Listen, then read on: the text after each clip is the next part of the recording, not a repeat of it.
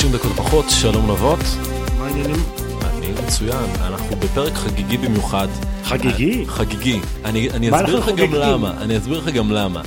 אי שם לפני מה, שמונה, תשעה חודשים שהתחלנו להעלות את הרעיון של הפודקאסט הזה, אמרנו את מי נזמין לפרק הראשון, מי מספיק ככה מסמל את ההייטק הישראלי, ששווה להקדיש לו את הפרק הראשון, ואיכשהו עלה, אני לא זוכר כבר מי אמר, אהרון אהרון, יושב ראש רשות החדשנות החדש, ולשעבר מנהל מרכז הפיתוח של אפל. לא יושב ראש רשות החדשנות, אלא מנכ"ל. מנכ"ל, מנכ"ל. מנכ"ל רשות החדשנות, כן. סליחה, אה, ואתה כנראה בן אדם מאוד עסוק, אהרון.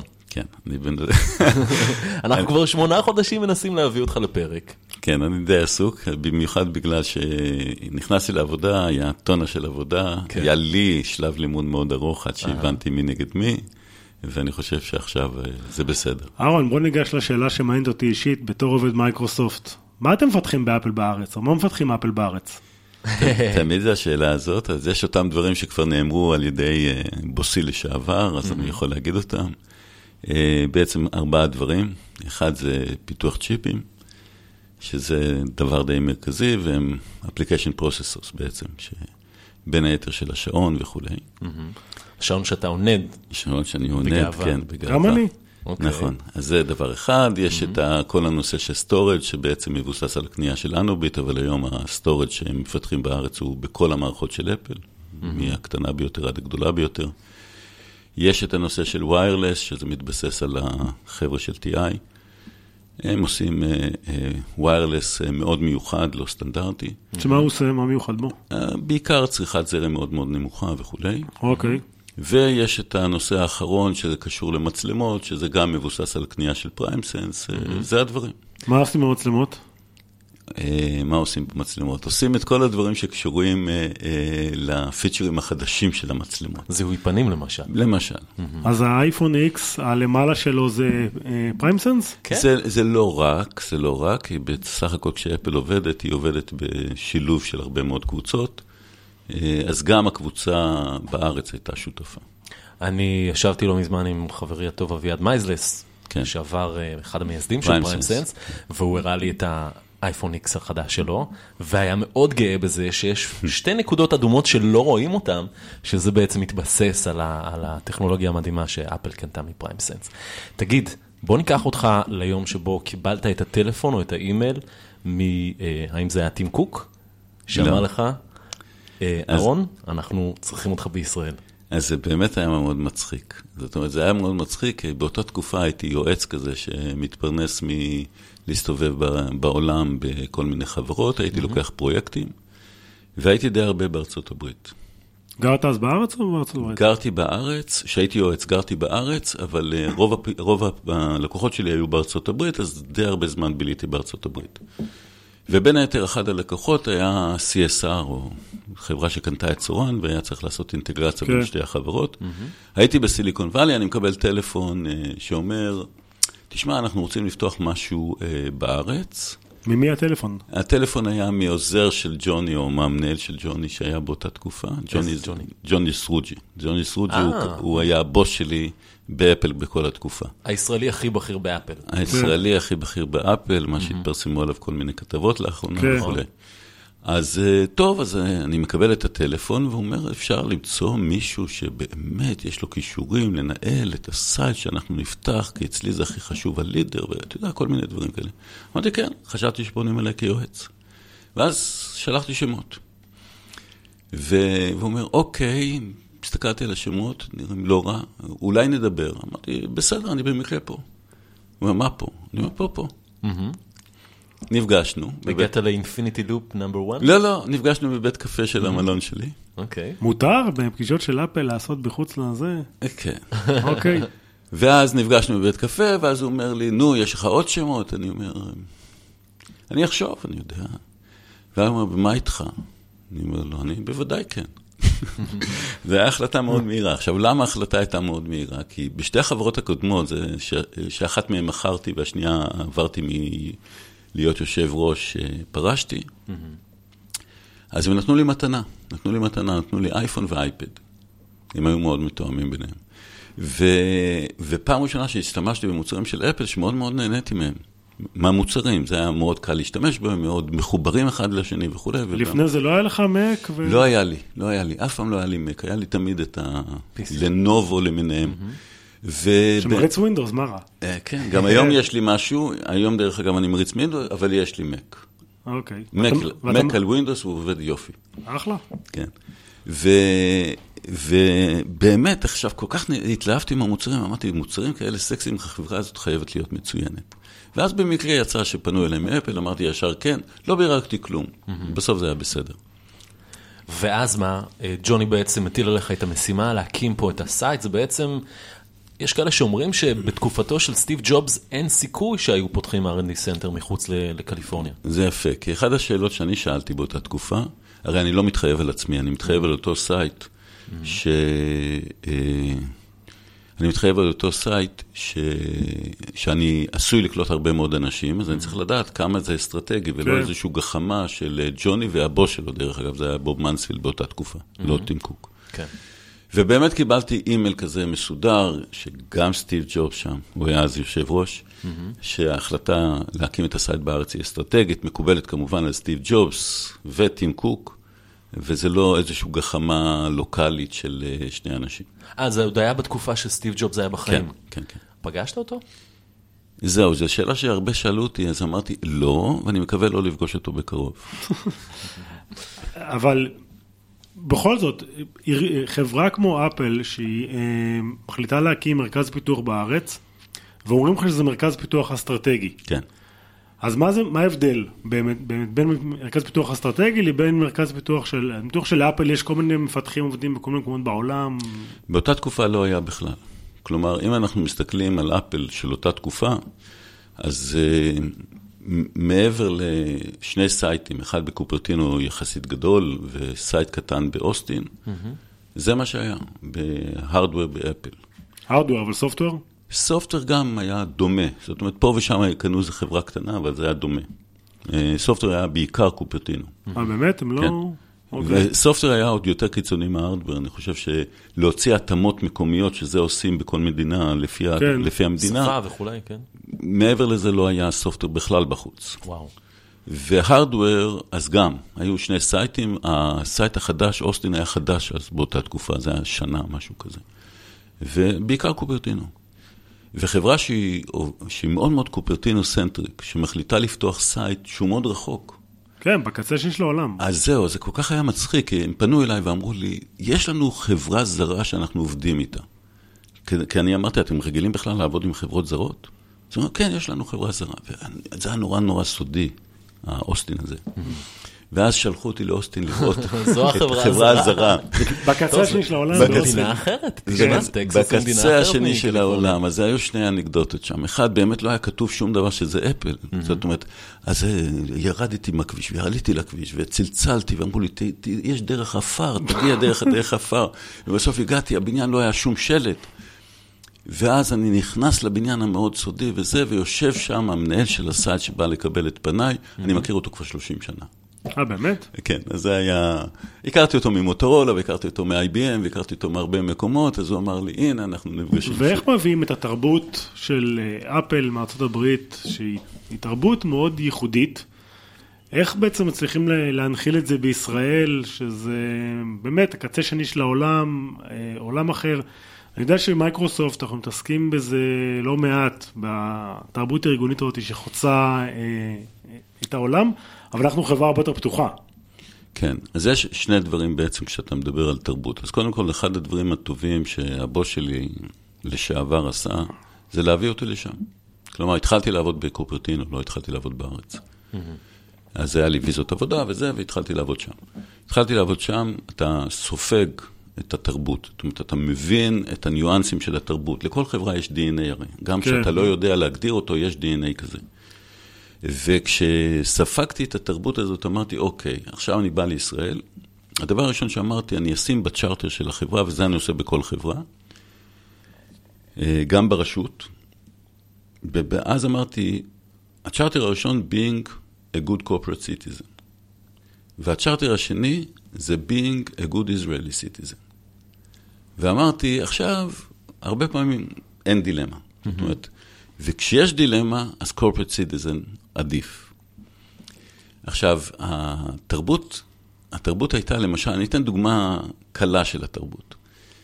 אה, באפל אסור לעבור שני אנשים על אותו כרטיס. זאת אומרת, אם אתה פותח את הדלת, ואין כזה שמישהו ייכנס איתך. בנוסף, תעביר לי. את הכרטיס, אני לא רוצה... לא, לא, אין כזה. אתה צריך להעביר כרטיס. אז כמובן שזה לא היה מנהג בארץ. ברור. אבל היום זה ככה. כלומר, זה, זה מסוג הדברים שזה הופך להיות אוטומטי. אוקיי. כלומר, לא חושבים על זה יותר מדי, זה הופך להיות אוטומטי. נושא של לוחות זמנים, למשל, שזה גם ברשות קיים בצורה כזאת. אין כזה איחור של דקה. דקה זה איחור. עכשיו, אתה מתרגל לזה, אז אתה אומר, רגע, זה די פשוט. לא מאחרים. אבל איך ישראלים, מה, איך ישראלים מסתדרים עם זה? את, אתם קולטים, אה, לא קלטת עכשיו, קולטים אחרים. כן, מרכז פיתוח די גדול בהרצליה. בסביבות אלף איש. כן. כבר אלף איש, כלומר, בסדר גודל של מייקרוסופט, מבחינת מספר העובדים. איך מצליחים לשמור על זה? כי בסופו של דבר אנשים מנהלים את הקבוצות שלהם, מדווחים אה, לוקאלית או שמדווחים ישר לקופרטינו? זה גם אה, דבר שאני חושב שהיה פה גם דבר יפה. למעשה, כמעט כל הקבוצות בארץ דיווחו אליי, למרות שהן לא היו פונקציונלית מדווחות אליי. זאת אומרת, פונקציונלית, נניח, דיווחו אליי 65% מהעובדים, 35% לא דיווחו אליי. היו דוטד אליך מה שנקרא? אני לא יודע אם... דוטד זה קו מקווקו. זאת אומרת, הבנתי, במקום... אוקיי. זה שפה של אה, corporate כן, אמריקאי, שפה זה של. corporate אמריקאי זה dotted. הם לא היו דוטד אפילו, אבל הם היו ב staff שלי. הם אה, אה, בעצם שמעו מה שיש לי להגיד, אבל היה להם מנהלים פונקציונליים שבעצם, למשל PrimeSense, שדיברנו עליה קודם, אה, לא דיווחה אליי. אבל המ- המנהלים של PrimeSense דיווחו אליי, ישבו בסט- ב staff שלי, ואם הייתה בעיה כלשהו שקשורה לחברה הזאת, או למשל כוח אדם, או דברים, או משהו כזה, זה היה מגיע אליי, גם מהבוסים שלהם. ויש, אה, למרכזי פיתוח בדרך כלל יש אה, הנהלה מקומית, כזה נכון. leadership. יש את זה באפל בישראל? יש מנהל מקומי, היום אה, לא, רוני פרידמן. יש מנהל מקומי, אבל יש לו הנהלה מקומית? כן, כן, עם כן, פונקציות של כל ה... כל, הפ- כל, ה, כל ה, האנשים שנמצאים בישראל ובכירים נמצאים אצלו ב staff. ויש את הארגון של ה multinational בישראל. כן, הם לא חייבים, הם לא חברים בו. למה הם לא חברים בו? כי אפל לא חברה בשום ארגון. מה זאת אומרת?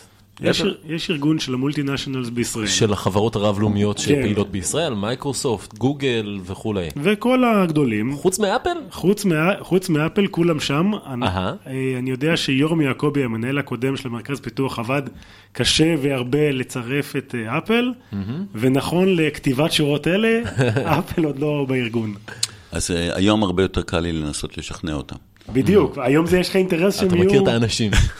אתה יודע, דבר אחד בתרבות הארגונית שלאהרון יש, אה, בתפק- שהיה בתפקיד הקודם, זה הנושא הזה של סודיות. אני, כשהייתי עוד כתב ערוץ 10 לענייני טכנולוגיה, הרמתי טלפון לאהרון, אמרתי לו, כשרק אה, כשרק לך את התפקיד, בוא תדבר, תספר, בוא נראיין אותך, שום מילה לא יצאה. זה נכון. למה כל כך בונקר, אהרון?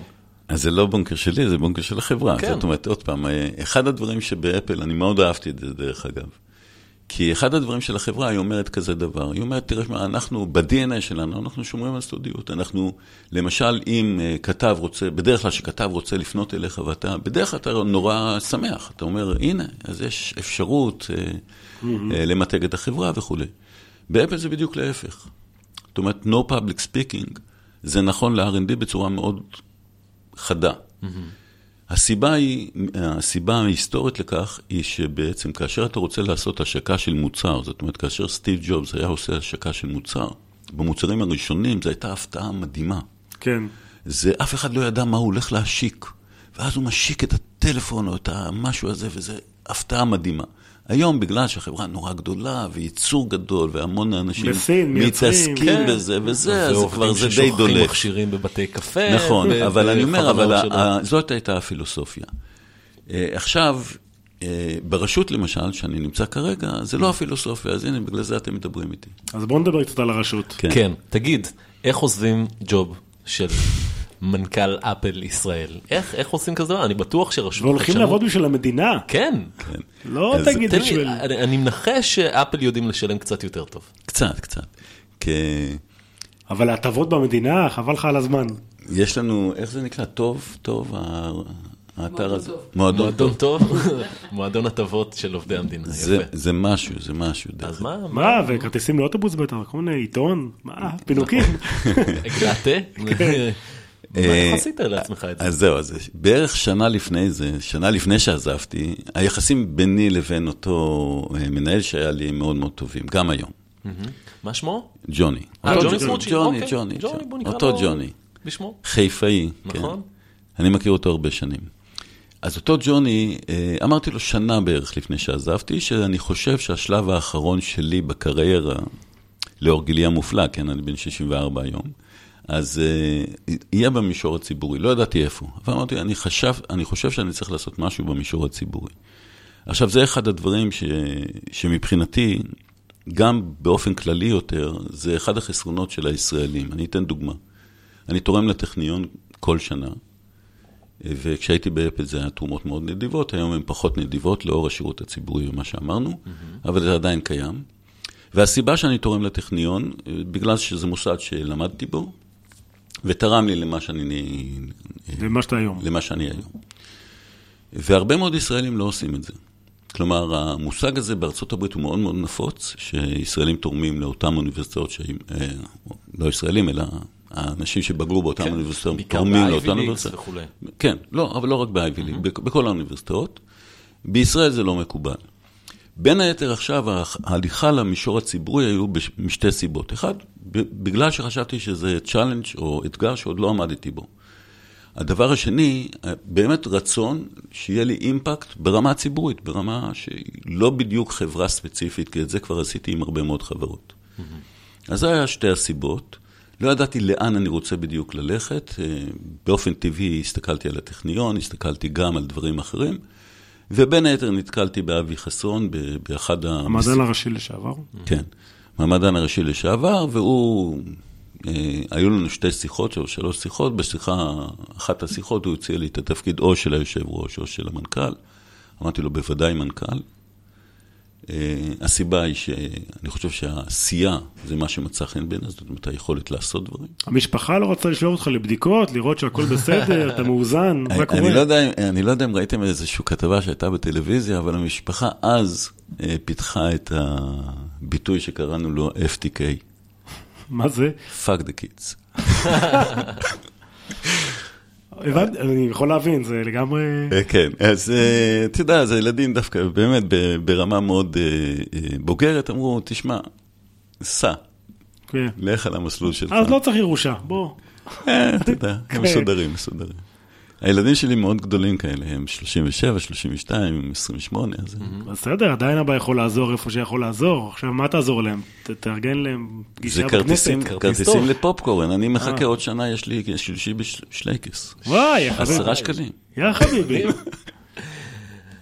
אז רשות החדשנות, אוקיי? כן. אני עכשיו מדבר בכובע של, אה, של יזם, יש לי סטארט-אפ. אה, אנחנו תמיד עושים פה מה שנקרא גילוי נבות. כי לנבות יש לפעמים, אה, יש גילוי נאות. אנחנו היום קיבלנו אה, אה, תאריך לפגישה עם האדם שאמור להעריך את הסטארט-אפ שלנו. יפה. והרבה זמן חשבנו למה, האם כדאי לגשת לאחת התוכניות? כן. למה שיזם צעיר ייגש לתוכנית כמו תנופה או תוכניות אחרות? יפה. אז בואו נתחיל מתוכנית תנופה. תוכנית תנופה בעצם לא מחייבת אותך עדיין שיהיה לך חברה בכלל. אתה אה, יוזם משהו, יש לך רעיון מדהים, ואתה רוצה שמישהו יעזור לך להגיע או לבדיקת התכנות, או לרישום איזשהו פטנט, איזשהו דבר שאתה, יהיה לך איזשהו נכס כאשר אתה הולך לגייס כסף. עכשיו, הרשות, אחד, היא עוזרת לך לחשוב. כי בואו תחשבו על זה שעצם העובדה שיש בודק, והוא בא אליכם, אז אתם מתכוננים. אבל אתה באמת חושב שהוא עוזר לבדוק? כי אני יכול להגיד לך, אני פעם היה לי חברה שהמדען הראשי אה, אה, נתן לה כסף. כן, הגיע בודק, אה, בחור מקסים, בן 70 פלוס, כן, במשך שעה וחצי צעק עליי, כן. בסוף השעה וחצי נתן לי דף למלא, שזה היה הדוח שלו, מילאתי, קיבלתי כסף. החוויה הייתה מדהימה כי קיבלתי כסף. להגיד לך שהוא עזר לי במשהו? אז אני חושב שאנחנו מאוד מאוד שינינו את הנקודה הזאת. זאת אומרת, היום הבודקים שלנו, ואנחנו בתהליך שכל הזמן עובד על זה, מצד אחד זה מאוד ייחודי שיש לנו שרשרת בודקים מאוד גדולה ביחס למשרדי ממשלה, כן, יש לנו כ-200 בודקים שהם די מעודכנים, אנחנו מדי פעם מרעננים את השורות.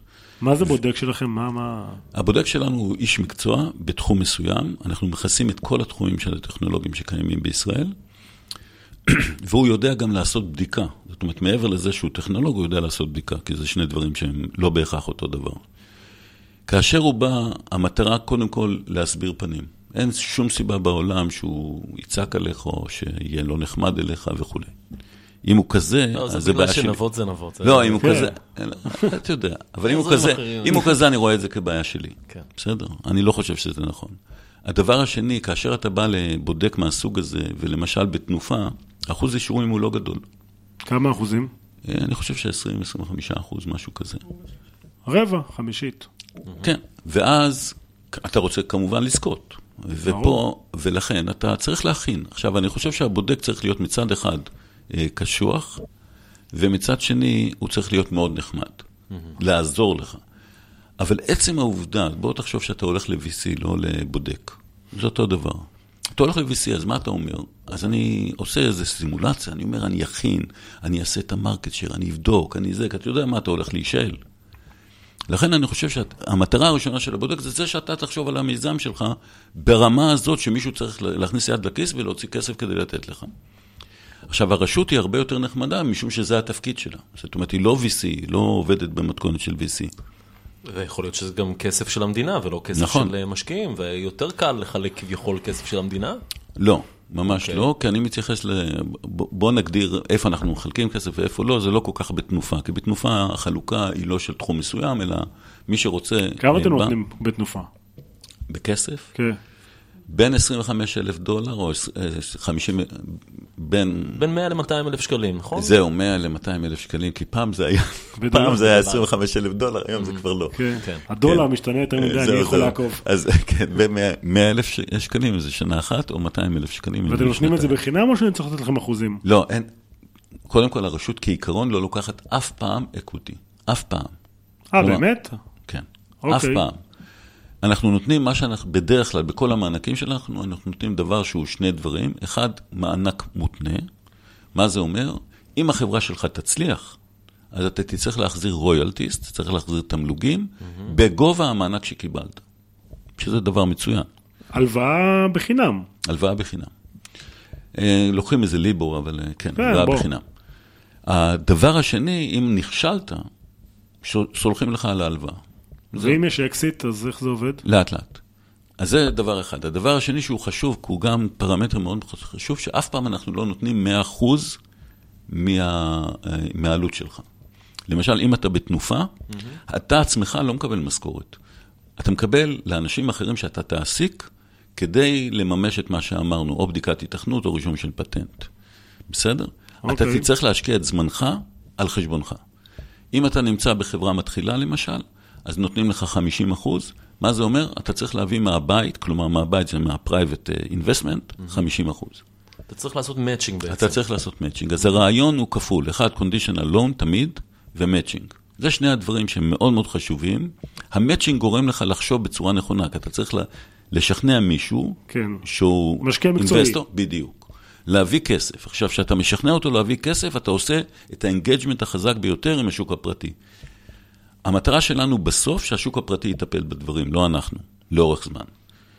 אנחנו מסתכלים איפה יש כשלי שוק, ונניח אם יש כרגע חברה ברוטשילד, חברת תוכנה ברוטשילד בתחום מאוד מאוד חם, Machine Learning לצורך העניין, mm-hmm.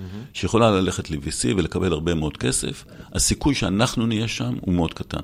אין לנו סיבה בעצם. אז לא לבוא לך עם Machine Learning AI בבלוקצ'יין. קודם כל אתה. יכול לבוא, אתה יכול לבוא, אבל אז רמת החדשנות שאנחנו ננסה לבדוק היא מאוד מאוד מאוד גבוהה. כי, כי אנחנו אומרים, זה תחום חם, תחום שאתה יכול לקבל כסף מ-VC. אם רמת החדשנות שלך באמת היא בשמיים, אז יהיה לך קשה לקבל כסף מ-VC, כי הסיכון מאוד גבוה, אנחנו שם בשבילך. אבל שוב, 100 אלף שקל, 200 אלף שקל. זה תנופה.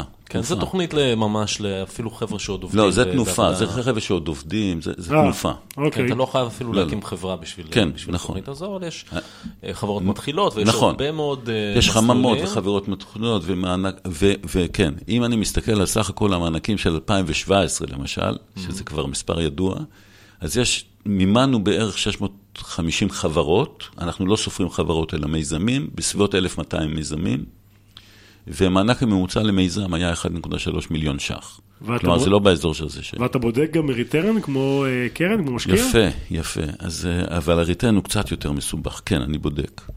אה, אנחנו מסתכלים מדי פעם על סקטורים מסוימים ובודקים מה הריטרן שלנו. הריטרן זה על כל דולר שאנחנו שמים ב- אה, בחברה, אנחנו בודקים מה הערך הכלכלי שאנחנו מקבלים במשק. המטרה שלנו בסוף לייצר ערך כלכלי למשק. אז אחד הפרמטרים שאנחנו מצאנו, שעל כל דולר שאנחנו נותנים, אנחנו מייצרים משהו כמו חמישה עד שמונה דולר בערך משק. מה זה ערך? משק? בדיוק. אז מה זה ערך משק? דיברת קודם על אקזיט, אבל עזוב את האקזיט. יש חברה, צמחה חברה, יש לה עובדים, חברה משלמת מיסים, העובדים משלמים מיסים וכולי, זה פרמטר אחד. פרמטר שני זה האקזיט, אותם אקזיטים שאנחנו מדברים עליהם. אם החברה עשתה אקזיט, אז עדיין לא קרה כלום. היא תחזיר את מה שהיא צריכה להחזיר וכולי, אבל זה לא אירוע. האירוע מתחיל להתנהל כאשר ה-IP, שהקניין הרוחני בעצם, יוצא. יוצא. אם הוא לא יוצא, יוצא מהארץ. יוצא מהארץ. אם הוא לא יוצא, אנחנו, אנחנו משלמי המיסים משלמים הרי את הכסף כן. שאנחנו נותנים.